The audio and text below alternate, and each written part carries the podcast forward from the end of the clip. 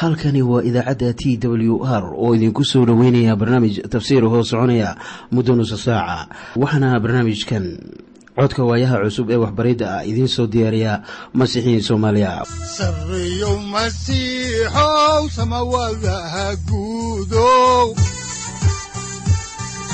Siraadkii adduunkow subanaha eebow sareyow masiixow samawadaha guudow siraadkii adduunkow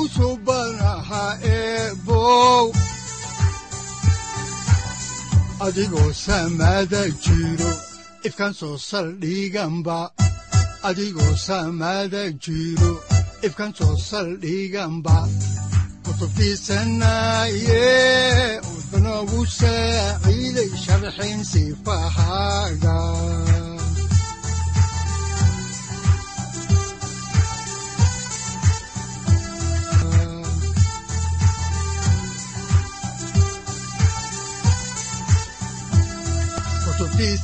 kutubtiisinayow ebanagu saaciid sharxin sifahaaga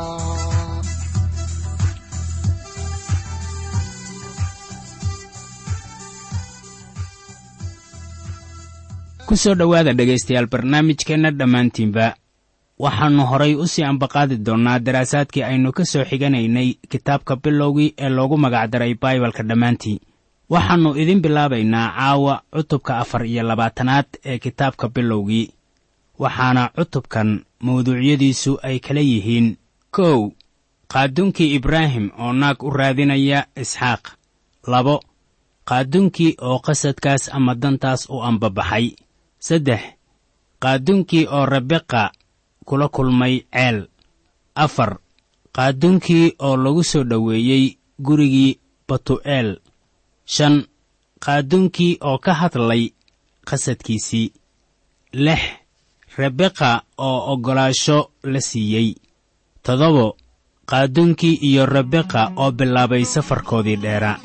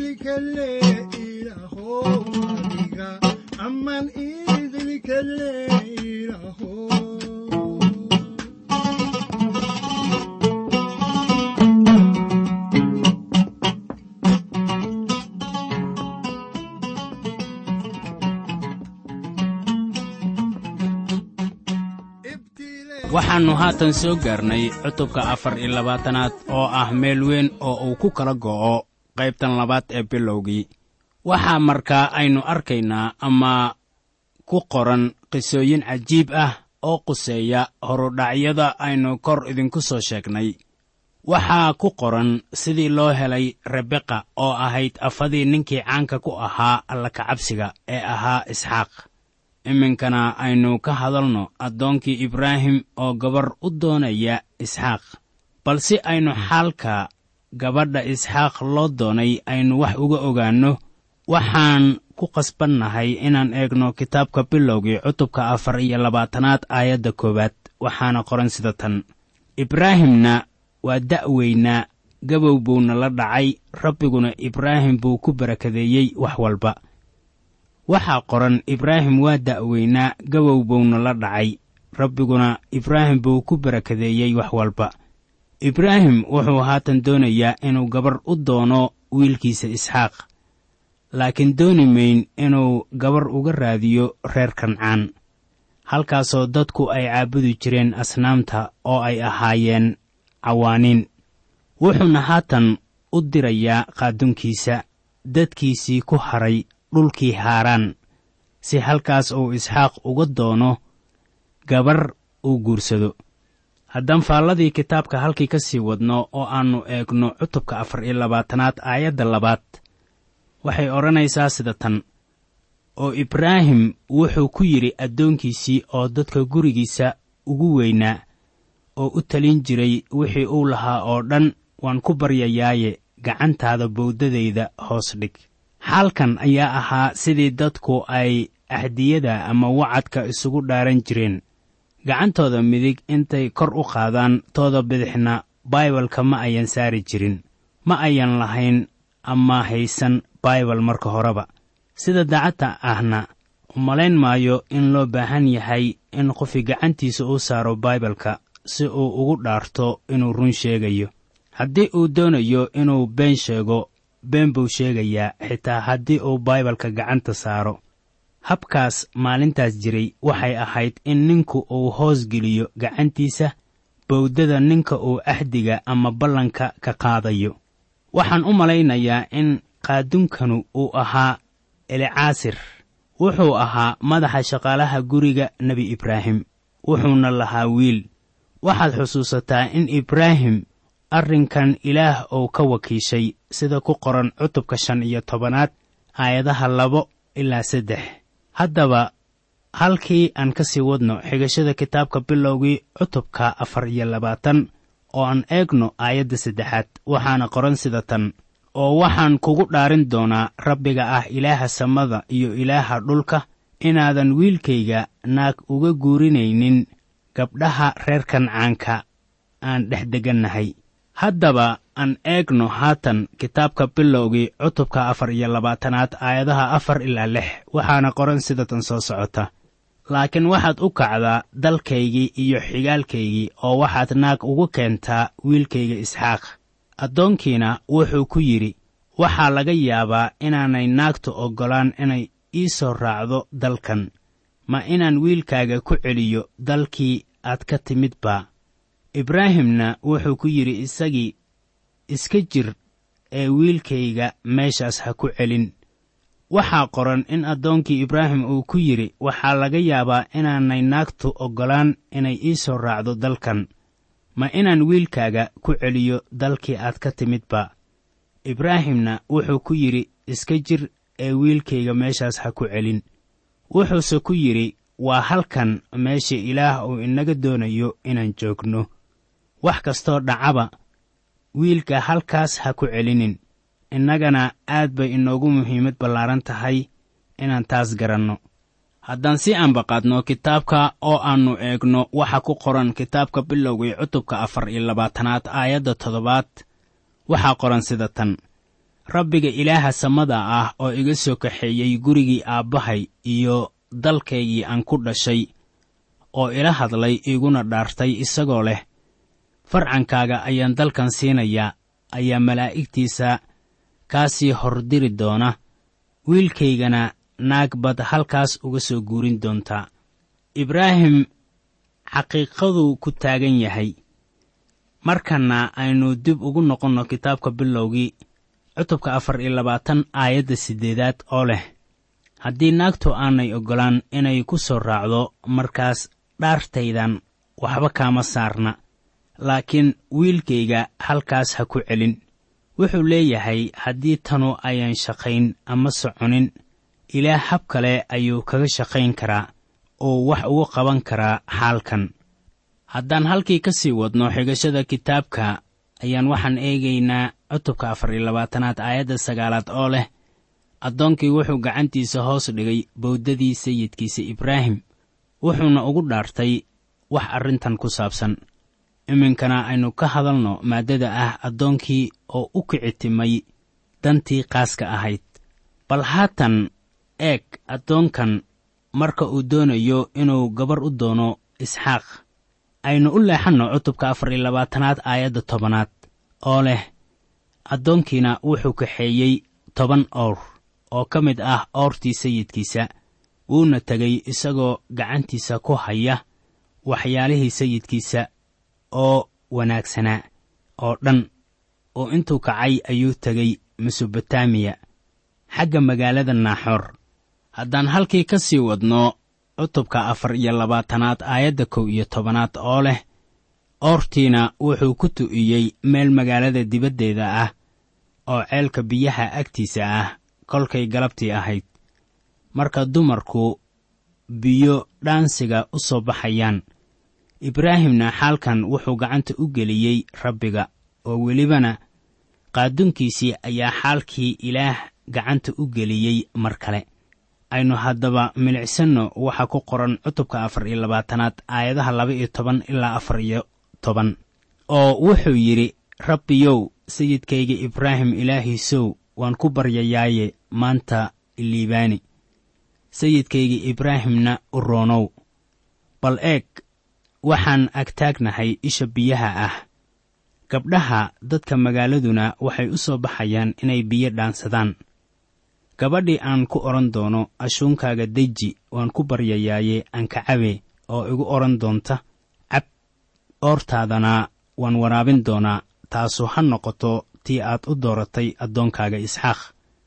Oo taas baan ku ogaan doonaa inaad sayidkayga u roonaatay haddaan halkaasi ka sii wadno xigashada kitaabka oo aan eegno cutubka afar iyo labaatanaad aayadaha toddoba iyo toban ilaa sagaal iyo toban waxaa qoran sida tan. Markaasuu addoonkii ku orday inuu ka hortago oo wuxuu ku yidhi ashuunkaaga iga waraabi in yar oo biyo ah waan ku baryayaaye. Markaasay tidhi gabadhii cab sayidkaygiyow oo intay dhaqsatay ayay ashuunkeedii dejisay oy gacanta ku qabatay wayna waraabisay oo markii ay waraabisay kadib ayay ku tidhi oortaadana waan u dhaamin doonaa ilaa ay dhergaan. Arrinka ahmiyadda ballaaran ee soo baxaya waxa weeye in rabeqa ay ahayd gabar asluub iyo xishood miidhan waa gabar qurxoon oo aan iin lahayn oo welibana asluub iyo anshax ku darsatay haddaan halkii ka sii wadno oo aan eegno aayadda labaatanaad waxaa qoran sida tan oo intay dhaqsatay ayay biyihii ashuunkeedii ku shubtay barkaddii oo mar kale ayay ceelkii ku oroday inay soo dhaamiso wayna u dhaamisay oortiisii oo dhan. Waxaad xusuusataa inay oortu toban gaaraysay. Mase garanayo intii ay qaadatay inay gabadhu waraabiso oorta waa sida adigoo raadiyatoorka ama raadiyatooraha fatuuradaada biyo ka buuxinaya marka la waraabinayo oorta inkastoo oortu ay ka qaadweyn tahay raadiyatooraha fatuurada aynu halkii ka sii wadno xigashada kitaabka oo aan eegno cutubka afar iyo labaatanaad aayadda kow iyo labaatanaad oo leh ninkiina aad buu u fiiriyey iyada isagoo aamusan. Inuu ogaado in rabbigu uu ku liibaaniyey socdaalkiisii iyo in kale. Addoonkiina halkaas buu istaagay isagoo aamusan. Wuxuu la yaabanaa in gabadhu tan ay tahay inuu ilaah hoggaaminayo iyo in kale.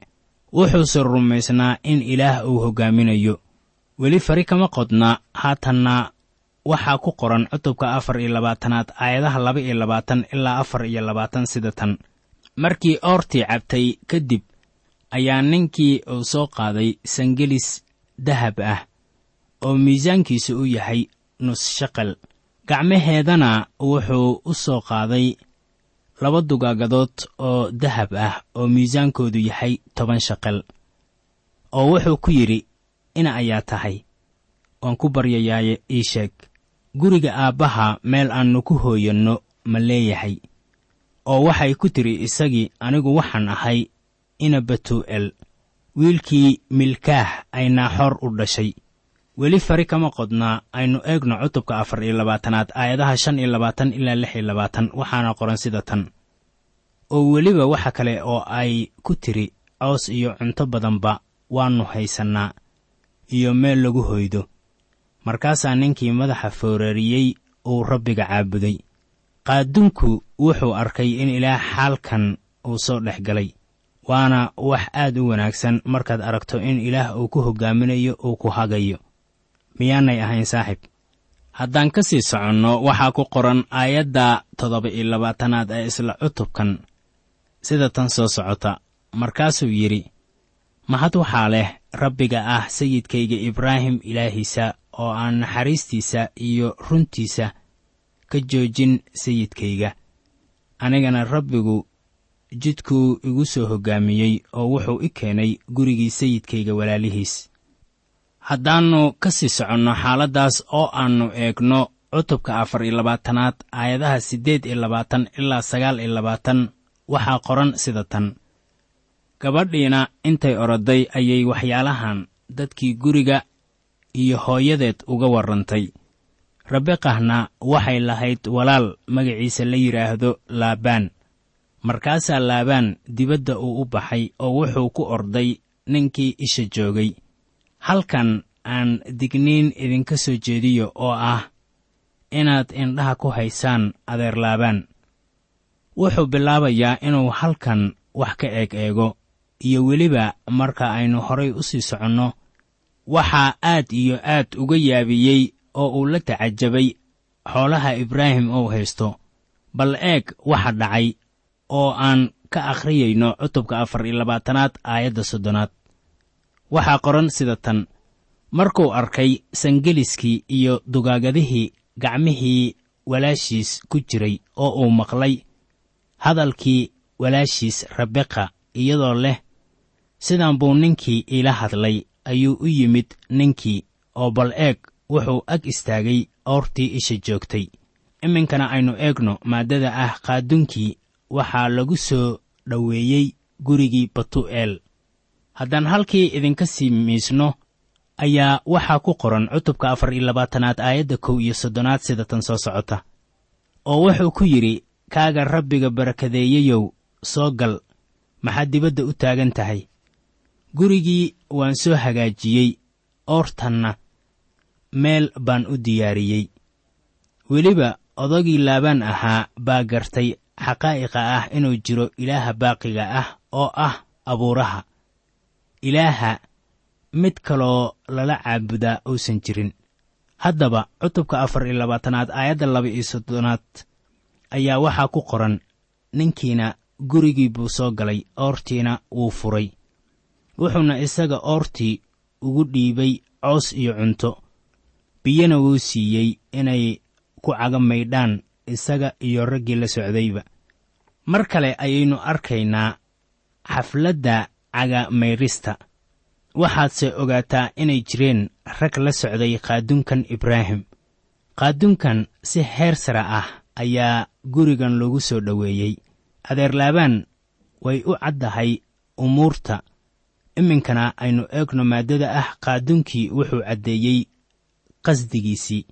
Aynu haddaba ku noqonno kitaabka bilowgii cutubka afar iyo labaatanaad aayadda saddex iyo soddonaad. Waxaa qoran sida tan cuntana waa la hor dhigay inuu cuno laakiinse wuxuu yidhi cuni maayo ilaa aan sheego farriintayda kolkaasuu yidhi sheeg ruuxa ilaah ayaa inta jooga inuu soo hormariyo hawsha injiilka. Addoonkii ibraahim wuu diiday inuu wax cuno ilaa uu sheego qasdigiisa mooye waxaanay ku yidhaahdeen hadal wuxuuna yidhi sida ku qoran cutubka afar iyo labaatanaad aayadda afar iyo soddonaad oo leh markaasuu yidhi waxaan ahay ibraahim addoonkiisa. Waxaad ogaataa inaan magaciisa la sheegin. Isla sidoo kale waxaad ogaataa in sayid ciise yidhi sida ku qoran injiilka sida yooxanaa u qoray cutubka lix iyo tobanaad aayadaha saddex iyo toban ilaa shan iyo toban qayb ahaan sida tan. Laakiin markuu kan ruuxa runta ahu yimaado wuxuu idinku wadi doonaa runta oo dhan waayo isagu iskama hadli doono wuxuuse ku hadli doonaa wuxuu maqlo wuxuuna idiin sheegi doonaa waxa imaanaya. Haddaba maxaa la yidhaahdaa magaca ruuxa quduuska ah? Magac ma leh u imaan maayo inuu isaga iska hadlo wuxuuse u yimid inuu ka hadlo mid kale. Waa masiixa eh. Waxaa taas la mid ah inaannu qaadunkani ismagacaabin wuxuuse si fudud ugu sheegay inuu yahay addoonkii ibraahim. Haddaan halkaa ka sii ambaqaadno qisada oo aannu eegno haatan cutubka afar iyo labaatanaad aayadda shan iyo soddonaad oo leh rabbigu aad iyo aad buu u barakadeeyey sayidkayga wuuna weynaaday wuxuuna siiyey ari iyo lo' iyo lacag iyo dahab iyo rag addoommo ah iyo naago addoommo ah iyo geel iyo dameero addoonkii ibraahim wuxuu yidhi waxba cuni maayo ilaa aan idiin sheego wixii aan halkan u imid. Wuxuuna faalladiisii ku bilaabay in isagu uu yahay addoonkii ibraahim.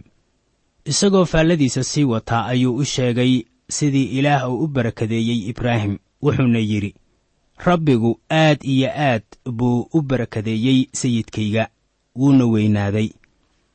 Addoonku wuxuu ka hadlay guriga aabbaha taasuna waa waxaa ruuxa rabbigu uu inoo sheegi doono. Wuxuu ina dareensiiyaa dunida dembigeeda xaqnimadeeda iyo xukun kuwaasu waa saddex shay oo uu ka yidhi dunida luntay. Wuxuu ina garansiin doonaa in ciqaabtu ay saaran tahay dunidan iyo bini'aadanka. Dadku way lumeen maanta waayo iyagu waa dembiilayaal. Waxaan maqlay iyadoo la leeyahay dadku way lumeen waayo waxay diideen masiixa. Ha yeeshee uma ayan lumin inay diideen masiixa laakiin waxay u lumeen waxa weeye waa dembiilayaal waana taas xaalka ama marxaladda ay dadku maanta ku sugan yihiin. Ruuxa quduuska ah ayaa u yimid inuu ina ogeysiiyo inuu jiro badbaadiye u dhashay ciqaabteenna kaasoo inoo keenay xaqnimo oo welibana aynu boos ka helayno jannada. Ruuxa quduuska ah wuxuu u yimid inuu ka hadlo mid kale. Addoonkiina wuxuu yidhi rabbigu aad iyo aad buu u barakadeeyey sayidkayga. Saaxib aabbahayga samada waa taajir. Hadday noqon lahayd lo iyo hanti kaleba kumanaanka lo ah ee buuraha joogta isagaa leh. War muxuu aad u weyn yahay aabbaheen haddaba aynu dib ugu noqonno kitaabka bilowgii cutubka afar iyo labaatanaad aayadda lix iyo soddonaad oo aan sii wadno faalladii addoonkii ibraahim waxaana qoran sida tan. Saara oo ahayd sayidkayga naagtiisii ayaa wiil u dhashay sayidkayga markay gabowday oo wuxuu isaga siiyey wuxuu lahaa oo dhan. Hab sarreeya oo aan dhammaad lahayn ayaa sayid ciise uu noqonayaa kan wax dhaxla. Innaguna waxaynu nahay kuwa isaga wax la dhaxla maanta. Addoonkii ibraahim wuxuu u yimid inuu qoyskan u sheego inuu gabar u doonayo wiilka sayidkiisa kaasoo wax waliba dhaxlaya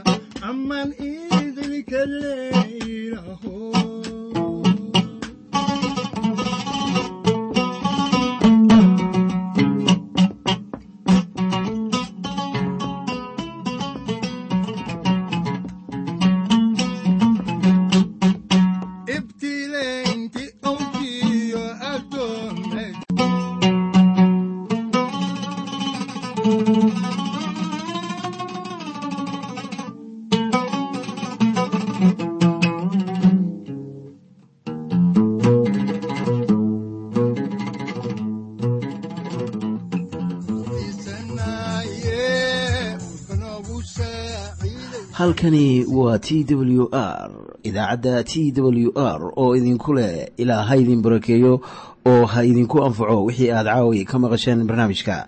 Waxaa barnaamijkan oo kalaa maqli doontaan habeen dambe hadahan oo kale haddiise aad doonaysaan in aad fikirkiina ka dhiibataan wixii aad caawi maqasheen ayaad nagala soo xiriiri kartaan som t w r at t w r c o k e dhegaystayaal haddii aad doonaysaan inaad mar kale dhegaysataan barnaamijka fadlan mar kale booqo www t t b o r g ama www t w r o r g halka sare waxaad ku arkaysaa markii aad gasho language ama luuqadda waxaana dooranaysaa soomaali. Haddii aad doonaysaan in aad dejisataan oo kaydsataan barnaamijka ama aad mar kale dhegaysataan fadlan mar kale booqo www t t b t w r o r g ama www t w r o r g haddii aad doonayso in laga kaalmeeyo dhinacyada fahamka kitaabka amase aad u baahan tahay duco fadlan fariimahaaga soo mari bogga aaraahda ama kommentska inana jawaab degdeg ah ayaanu ku soo diri doonaa amase ku siin doonaaye sareeyow masiixow salugla wihiyow saacadda timid